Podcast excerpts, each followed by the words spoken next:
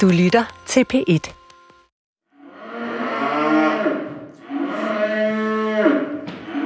Rammer de altid så meget?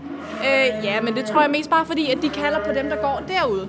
Øh, ja, som jo ligesom er deres øh, mødre, kan man sige.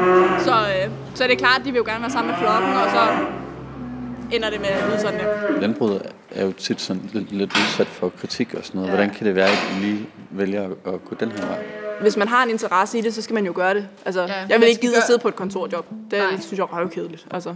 Ja, Det- det... jeg, jeg, jeg har været skoletræt siden 8. Så kom ud og kunne lave noget, også i skoletiden. Øh, det har hjulpet rigtig meget. Danmark er et landbrugsland.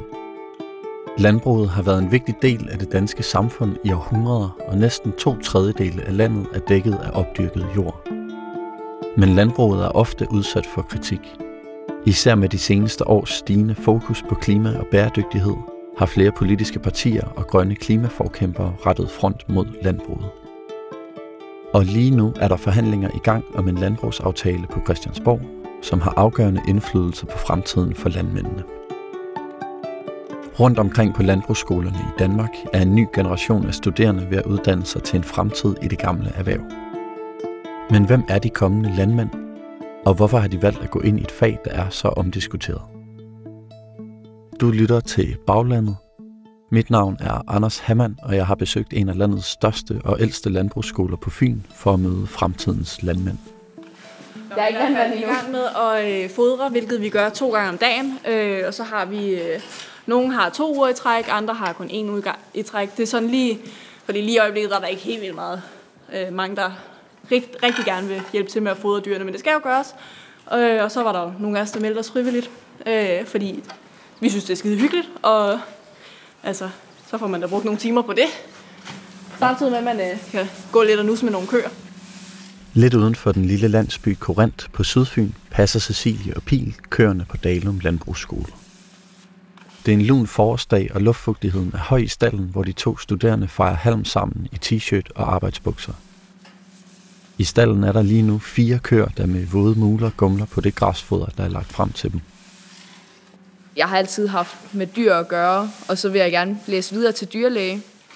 Øh, og så var det her den nemmeste vej med, at jeg ikke skulle sidde på skolebænken hele tiden og blive skoletræt. Det startede jeg med at blive i 8. Og det kunne min lærer også godt mærke på mig, fordi at jeg gad ikke rigtig skolen mere. Og så bare kunne komme ud og få noget af det praktiske også med dyrene at gøre.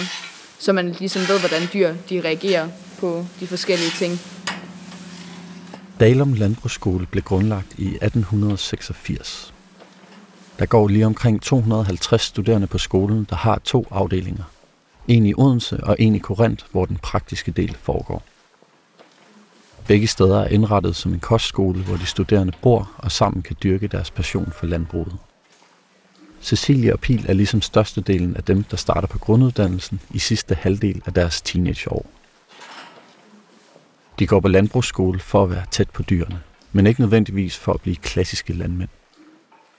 Der er kommet flere af deres slags i de seneste år, og på samme tid er klima begyndt at fylde mere på skemaet. Nu er I jo omgivet af, af køer herinde i, i stallen. Ja. Ja. Og når man taler om øh, landbrug, så taler man jo også meget om klima lige for tiden, og hvordan øh, øh, oksekød og øh, køernes bøvser og så videre, det Ja. ligesom påvirker klimaet. Ja. Er det noget, I tænker over også?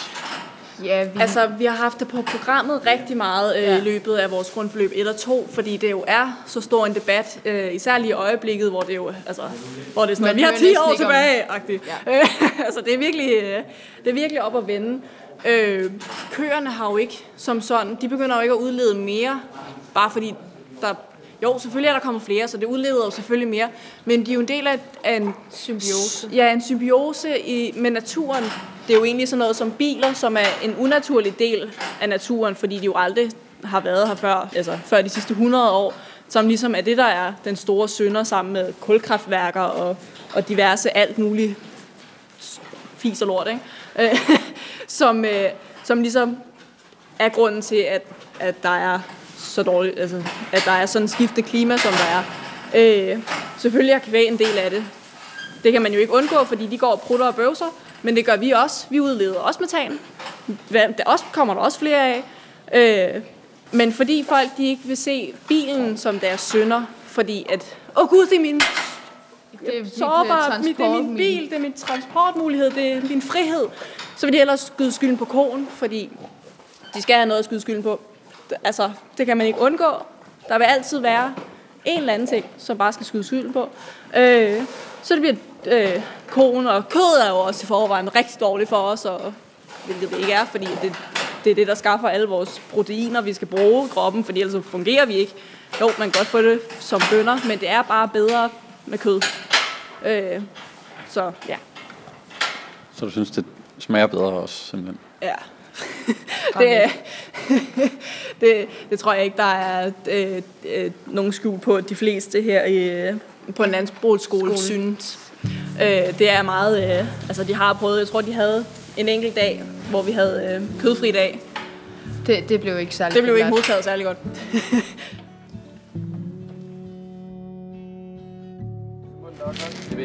Ellers, Jørgen, så må vi have en Så må vi have en pump. Den er ikke tør overhovedet. Den er næsten halvfuld. Hvad er det, de snakker om? Det er fordi, der var nogen, der havde glemt at bestille noget diesel hjemme sidste uge. Der er ikke rigtig mere diesel. I dag skal flere holde studerende en tur i marken. Og her skal de lære at køre med plov. Der er bare lige det, at der mangler dieselolie til den ene traktor og man kan ikke køre traktor uden brændstof. Men det handler om at være opfindsom, når man er landmand, så problemet er hurtigt løst.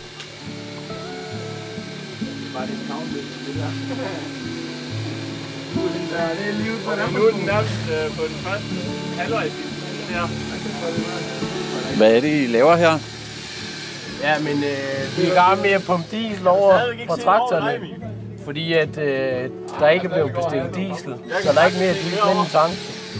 Så må man lige uh, lave sådan uh, ja, så laver vi sådan en fuskeløsning. fuskeløsning. Øh, ja. Sådan er det. Ja, sådan er det. Det kan vi godt lide. Laver I mange uh, fuskeløsninger? Jamen, den er... Nej, helst ikke. Halvvejs til halv. Det ser ud til at gå meget godt, det der. Ja, men det gør det også. Så bliver det imod halv fuld også en fuld. Også er det. Ja, så er det en fuld. Ja, jeg ved ikke, hvilken vej den skal.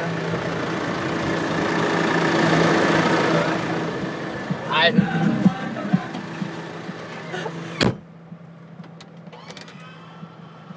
Hvad for det gear kører du i? Jakob har lige sat sig op i den røde traktor. Hvis det havde været en normal dag i gymnasiet, havde eleverne siddet i et undervisningslokale med blikket rettet mod tavlen. Men på landbrugsskolen er de ude i marken under den åbne himmel. Og i dag skal de køre med plov. Kan du forklare lidt om, hvad det er, du gør lige nu? Jamen, se herover til højre for mig, der justerer jeg på ja, en lille skrueknap, øh, som øh, ændre på højden af liftarmen. Og det afhænger af, hvor dybt vores forreste fuge på ploven er i. Øh, og gør så, hvor meget jord vi kaster over i den fuge, vi lige har lavet. Øh, og det gør, at du får mest optimal og mest jævn mark som overhovedet Så den sidder man hele tiden og leger lidt med. Jakob vender næsten hele tiden hovedet og kigger ud af traktorens bagrude. Han holder øje med plovens retning og dybde, mens den løsner og vender den sydfynske jord. Med sine sikkerhedssko på pedalerne og en robust højre hånd på en drejeknap, styrer han sikkert traktor og plov igennem marken. Ligesom ham kommer flere af de studerende fra en landbrugsfamilie. Og det er derfor heller ikke første gang, de prøver kræfter med landbrugets maskiner. Ja, jeg tror, jeg valgte landbrugsuddannelsen meget, øh, grundet også som min far, han arbejder i landbruget. Øh, for, ja, hvilke uddannelse jeg har valgt. Han har også skubbet lidt på. Eller, han har nok ikke skubbet på. Det er nok mere mig, der bare har blevet inspireret til landbruget. For ja, dengang jeg var mindre, arbejdede han en del i landbruget. Øh, og ja, dengang han arbejdede i landbruget og var ude og køre traktor, så ville jeg tit gerne med. Øh, så der så har jeg nok fået min inspiration fra jeg spæde af. Og jeg kan huske, eller det kan jeg ikke huske, men jeg har fået fortalt, at at jeg samtidig var med ud at køre i autostol, så jeg sad ved siden af. Øh, så jeg har kørt meget, og det har nok påvirket mig. Ja, grund til at få interesse for landbrug. Min storebror, han har valgt at gå på universitetet. Øh, og synes at min far er glad for begge dele. Står de og griner lidt af dig, de andre med? Ah, ikke så galt. Man skulle bare lige rette sted. Der er mange ting at holde styr på, når man skal snakke samtidig, og man skal lige holde tungen i munden. Men jeg synes at du klarer det meget godt, altså. Jo tak. Jo tak. Hvordan har I det egentlig indbyrdes her på skolen? Jamen, vi har det rigtig godt, synes jeg. Det, man kan godt mærke, at man er kommet i skole nu, hvor alle folk er glade for at gå i skole, hvor jeg selv har været lidt sådan, måske træt af skolen er måske forkert ord, men måske ikke lige så motiveret. Hvor at når man nu kommer på landbrugsskole, og det er noget, man interesserer sig for, så er ens lyst til at gå i skole er der klart større.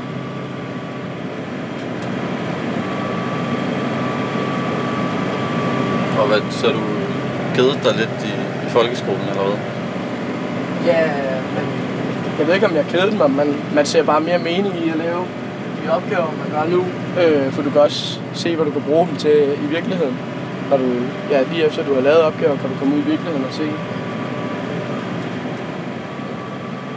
Landbruget har i mange år kæmpet med et dårligt ry. Som lærer på Dalum Landbrugsskole er det også noget, Birte Edal har mærket. Hun har været på skolen siden 2004, hvor hun tidligere har lært eleverne om at holde svin. Og nu gør hun dem klogere på innovation og bæredygtighed. I mange år, som i rigtig mange år, der har vi jo haft nogle udfordringer omkring image. Det er der sikkert også andre erhverv, der har. Men øh, i hvert fald det her erhverv har der haft visse udfordringer omkring image, øh, dårlig image, og så kan vi sidde tilbage og sige, at det er også synd for os, og man kan være meget tilbøjelig til at tage en offerrolle og sige, at det er, det er også synd for os som landmænd, og det er, det er forbrugerne, der er nogle forfærdelige nogen, og de vil også kun det onde, når jeg skal komme efter dig. Men man er nødt til at sige, okay, vi er 10.000 aktive, og jeg siger vi, men der er 10.000 aktive landmænd agtigt. Det svarer til dem, der kan, at man kan bo i Voldsmose. Så, så større del er det ikke. Og derfor er man nødt til også at gå aktivt ind i det her og sige, jamen, uh, vi vil være med en del af løsningen, og ikke kun sidde som offer, men at være en del af løsningen i at komme med løsningsforslag til bæredygtighed og klima og dyrevelfærd, og ikke bare vente på, at der er nogle andre, der har besluttet, hvordan det skal være, men at vi faktisk er en del af løsningen. Altså i stedet for at se det som muligheder, jeg, jeg kæmper virkelig, eller jeg arbejder og brænder for at få dem til at se det som muligheder, i stedet for at se det som begrænsninger. Og jeg tager også et, gerne et billede af en ost og viser dem billedet af en osten med hullerne i osten der, ikke? Altså det der fokus på, at man har hullerne i osten, i stedet for at se alle det der, der er rundt om. Jeg prøver virkelig på at få dem til at se positivt på ting og se det her som, at det giver mulighed for dem. Der er nogle gange, så folk de kan godt kritisere landbruget i forhold til klima og miljø. Er det noget, du tænker over? Ja, selvfølgelig er det noget, jeg tænker over. Det, det er en stor del af vores hverdag. Øh, man kan ikke undgå at høre ja, al den kritik, vi får. Øh, så det er da klart noget, jeg tænker over. Hvordan påvirker det dig? Jamen, det altså, har sat en del tanker i gang hos mig. Øh, mest på min uddannelse, for om jeg, jeg vælger rigtig uddannelse. Øh, for når vi hører tit, øh, så bliver landbruget måske begrænset, kan man tit få sådan fornemt. Øh, og mange, jeg kritiserer det, så man, man bliver lidt i tvivl, om man har valgt rigtigt. Selvom at man synes, det er sjovt, så, så kan man godt blive meget i tvivl. Øh, for udlandet flytter til et erhverv, som ingen har nogen interesse i, så, øh, ja, så har du ligesom ikke så gode jobmuligheder senere hen. Øh, men samtidig er jeg også lidt sikker på, at vi aldrig nogensinde vil undvære landbruget. For vi skal jo trods alt have mad. Så det, det er noget, jeg har tænkt en del over. Også inden jeg valgte uddannelse.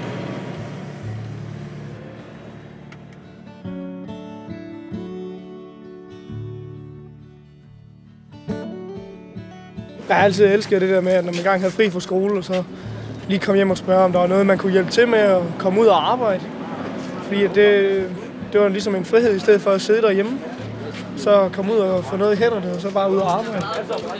Med hænderne bag ryggen læner Tobias sig op af den grå lade, hvor skolens traktor er parkeret. Hætten fra hans sorte hættetrøje hænger bag nakken, og han har et fast og selvsikkert blik inde bag sit brilleglas. I lighed med mange af skolens andre elever går han på en linje, hvor han sideløbende tager gymnasiefag, der er relevante for et liv som landmand. Det betyder, at han får en teknisk studentereksamen med i bagagen, når han er færdig med uddannelsen. Jeg startede tilbage med min farfar, der startede en gård op, hvor efter min far han så kørte videre på den. Og min storebror på 21, han er så i gang med at læse til arkitekt nu. Og det landbrug, det har aldrig rigtig sagt ham noget, i modsætning til mig, hvor det altid har været en stor interesse for mig. Så det har nok også altid ligget lidt i det, at det var nok mig, der skulle hjem og overtage det og prøve at se, om jeg ikke kunne drive det videre engang. Og er det noget, der sådan kommer af, af lyst, eller føler du også noget pligt? Men man kan jo sige, jeg vil, ikke, jeg vil ikke sige, at der er noget pligt i det, fordi jeg elsker det jo, så det er jo på en måde en drøm for mig at kunne komme hjem og overtage det. Det, det er også noget, jeg håber på. Er det noget, du glæder dig til? Altså, man kan selvfølgelig sige, at man glæder sig til det, men det, der, der kommer også et stort pres med, og det er jo ikke bare noget, man lige gør. Altså, det er jo et stort arbejde, og man skal også forvente, at som sagt, det er en livsstil. Det er ikke bare et eller andet 7-4 arbejde, men der er noget, der hedder mange weekendvagter og overarbejdstimer, og hvis der lige går en alarm, så er det ikke noget, man sådan tænker, det gør man lige en anden dag. Nej, så skal man også være der. Og det har også nogle konsekvenser på den lange bane, at man er nødt til lige at lægge det ind i baghovedet, at der også er et arbejde, som sådan set er fuldtid, så ikke bare 7-4. Men jeg vil sige, at jeg er en meget energisk dreng, der, der har svært ved at sidde stille, og det har sgu aldrig sagt mig noget, det der med bare sidde derhjemme og sidde og snakke, lige snart man havde fri fra skole for eksempel, men at man gerne vil ud og lave noget, spille noget fodbold med nogle venner, eller så bare det hele taget være ud og arbejde. Jeg, jeg nyder det simpelthen, ikke det med at sidde stille, og så har jeg bare meget energi. Det kan også udnyttes på de lange baner på arbejde. Nu bor jeg ude på, på Bøgelandet, og, og der de, mine primære venner, det er også nogen, som er inden for noget erhvervsuddannelse. Hvor at vi ligesom har noget sammen, så i weekenderne, så kan man lave noget sammen. Man kan tage ud og arbejde. Der er måske lige nogle sten, der skal samles, eller en kammerat, der lige skriver, hey, jeg er lige i gang med at bygge et nyt skur her, om du lige havde tid til at komme og hjælpe. Og så får man ligesom også startet et bånd der sammen, og det er jo, ja, man kan sige, det er arbejde, men, men vi ser det ikke som arbejde. Vi ser det mere som en fritid, hvor vi bare render rundt og hygger med det. Og på den måde også bare hygger os med noget, som vores fritidsinteresser ligger i. Hvad tænker du egentlig, når... Altså, det er jo tit, at man kan høre sådan et kritik af landbruget, eller der er nogen, der synes, de skal øh, udlede for meget CO2. Hvad siger du til alt sådan noget? Jeg synes jo, det er ærgerligt, at man, man lægger et billede på det, fordi der er jo mange andre perspektiver i det. Altså, det, er sådan, det er som om, at okay, nu hører man lige en dårlig ting, så synes jeg bare, at man skal køre på det. Det er jo ikke, det er jo ikke sådan, det altid er. Der er jo mange, man skal, man skal altid huske, at man skal have alle, alle øh, de forskellige vinkler på. Og ikke bare kun se det fra en vinkel, men at man skal gå ind med åbne arme, og så få det hele viften med. Så man ikke bare kun slår sig fast på et punkt, men man også ser på, hvad der er andre ting, som også for eksempel lige netop har en udledning og sådan noget. Så vi ikke kun slår os ned på et punkt. Fordi det er jo ikke sådan, verden er. De studerende på grunduddannelsen har en stærk tiltro til deres fag på trods af de skeptiske holdninger fra omverdenen. De har stadig meget at lære, før livet som landmand for alvor kalder, men for skolens ældre elever er det en anden virkelighed. Helene på 24 år er snart færdig med sin overbygning som agrarøkonom. Det gør hende officielt klar til at lede et landbrug. Og når titlen er i hus om lidt over et halvt år, skal hun tilbage til sin fødeby på Lolland, hvor hun skal overtage sine forældres gård. I et opholdsrum på skolens afdeling i Odense sidder hun i en praktisk vest, som har hendes navn syet ind i stoffet. Vi har økologisk øh, æglæggerhøns. Vi har 24.000, som jeg er vokset op med og har været en del af helt fra starten af, og få lov at være med til at passe fra starten af. Og det er også planen her, når jeg er færdig med agrarøkonom, at jeg skal hjem og være en del af virksomheden og på sigt gerne overtage den. Er det noget, du har snakket meget med dine forældre om så? Altså ja. overtage virksomheden? Ja, det har jeg. Jeg har været med fra dag dag hjemme på virksomheden, så jeg vokset op med det og har vidst, det var den retning, jeg gerne ville. Men øh, så var det jo, jeg tog lige gymnasiet som et lille afbræk, og det var en god backup at have. Men øh, jeg har altid gået den vej, og ja, jeg må nok også indrømme, at jeg mistede desværre min far i 18. Så jeg har været en del af virksomheden siden 18 af, og været med til at drive den på sidelinjen. Så jeg skal hjem her nu, når vi er færdige med at grave Det, lige nu der er det faktisk min mor, der har den, så jeg skal overtage den efter hende, men det har været min farfar, der har købt den i fri handel tilbage i 65, mener det var. og så har jeg bygget det op derfra. Okay, så er det simpelthen også for ligesom at sådan bringe arven videre fra din far, du gør det? Ja, det er det jo. Jeg bliver tredje generation på ejendommen, og det er jo meget fedt at kan få lov at videreføre noget, som ens farfar har startet op. Jeg vil sige, inden for landbruget, der er det jo en stor ting at være flere generationer på en ejendom og kan overtage og lave generationsskifte løbende.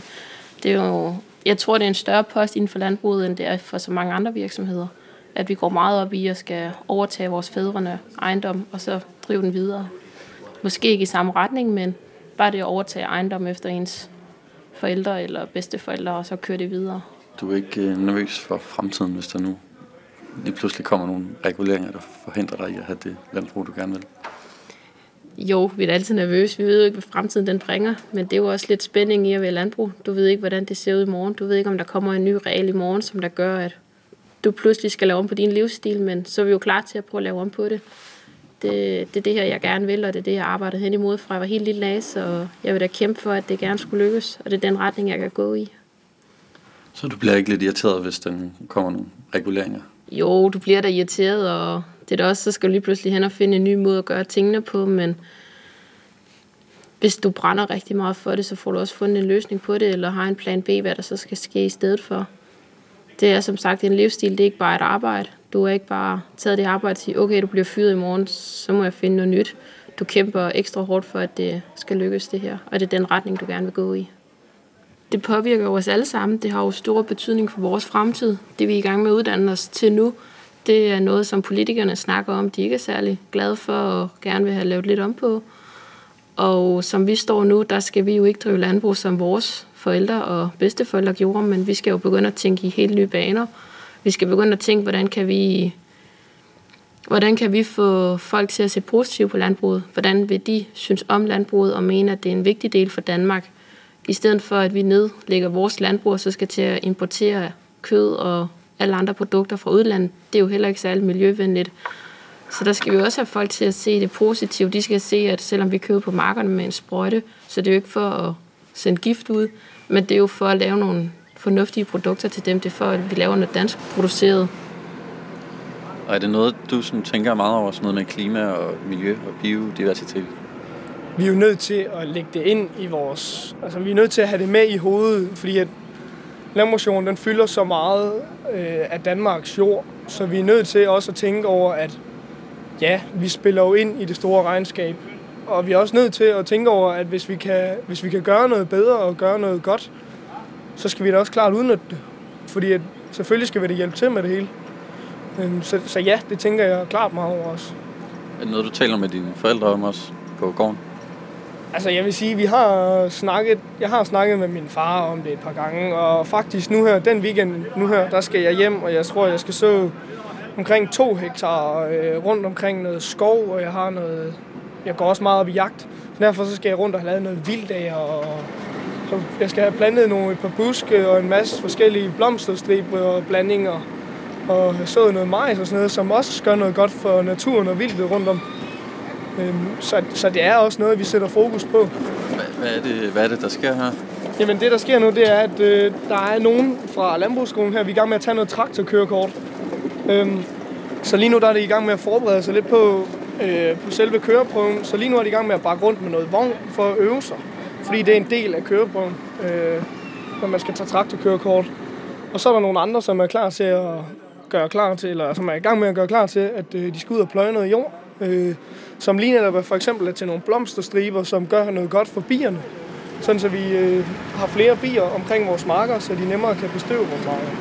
Du kan sige, vi, vi skal jo have bierne, fordi hvis vi ikke har bierne, så har vi ikke noget til at befrugte vores planter.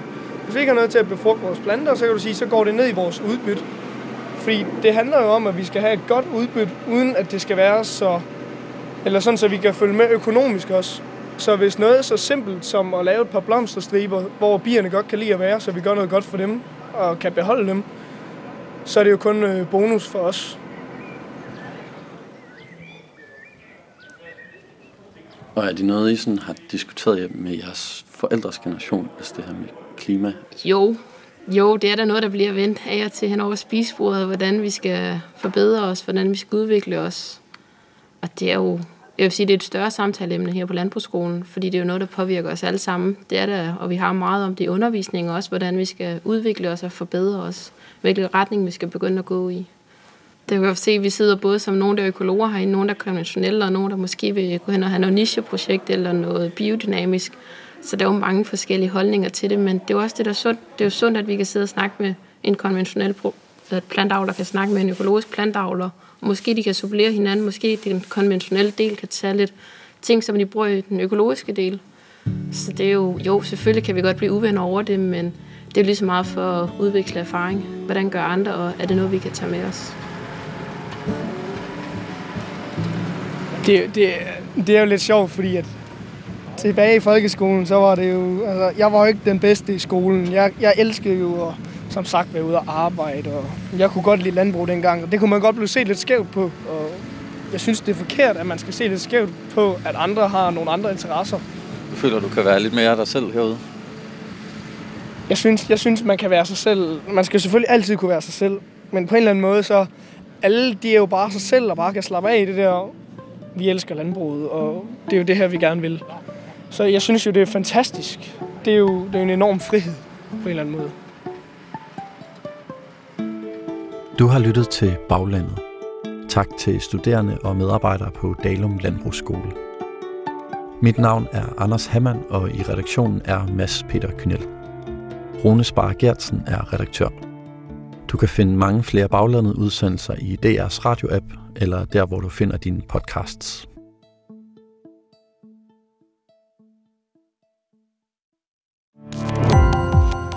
Gå på opdagelse i alle DR's podcast og radioprogrammer. I appen DR Lyd.